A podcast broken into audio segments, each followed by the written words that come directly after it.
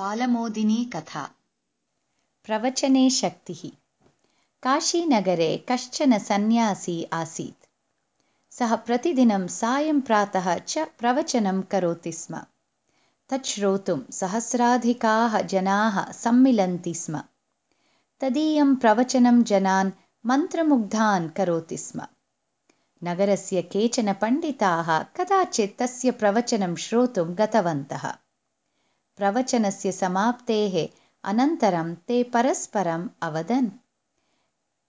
एतस्य प्रवचने असाधुशब्दाः एव बहवः। ग्राम्यशब्दानां प्रयोगः अधिक्येन। पण्डितैः श्रोतुं योग्यं प्रवचनं न एतत् इति।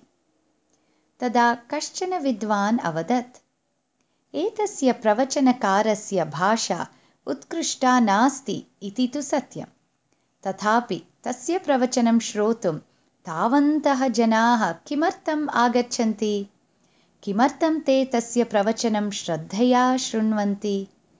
तस्य वचने तादृशी विशिष्टा शक्तिः का स्यात् इति। प्रवचनकारस्य वचनस्य शक्तेः मूलम् अजानन्तः ते पण्डिताः। कदाचित् तस्य गृहं गत्वा स्वस्य जिज्ञासां श्रावितवन्तः तदा सः सन्न्यासी अवदत्।